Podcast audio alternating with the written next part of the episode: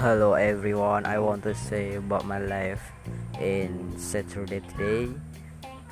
This is a best of night cause have a moon with a light is very wonderful.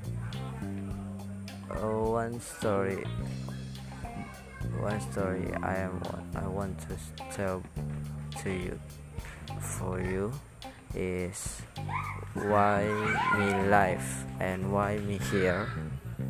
Uh, sorry I I'm in process to learn English because I I want to get this uh,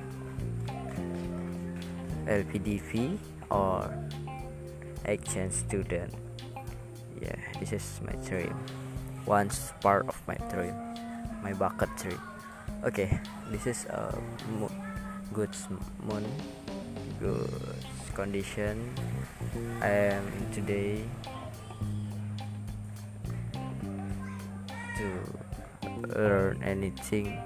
What's what I say is bacot bacot bacot intinya apa? Dekor lucu ya hari ini aku pertama kalinya podcast menggunakan bahasa Inggris jadi sedikit kacau mungkin dan aku sedikit malu untuk menyampaikannya. So literally literally ya. Yeah. intinya hari ini berakhir. Sudah terima kasih atas perhatiannya. Wassalamualaikum warahmatullahi wabarakatuh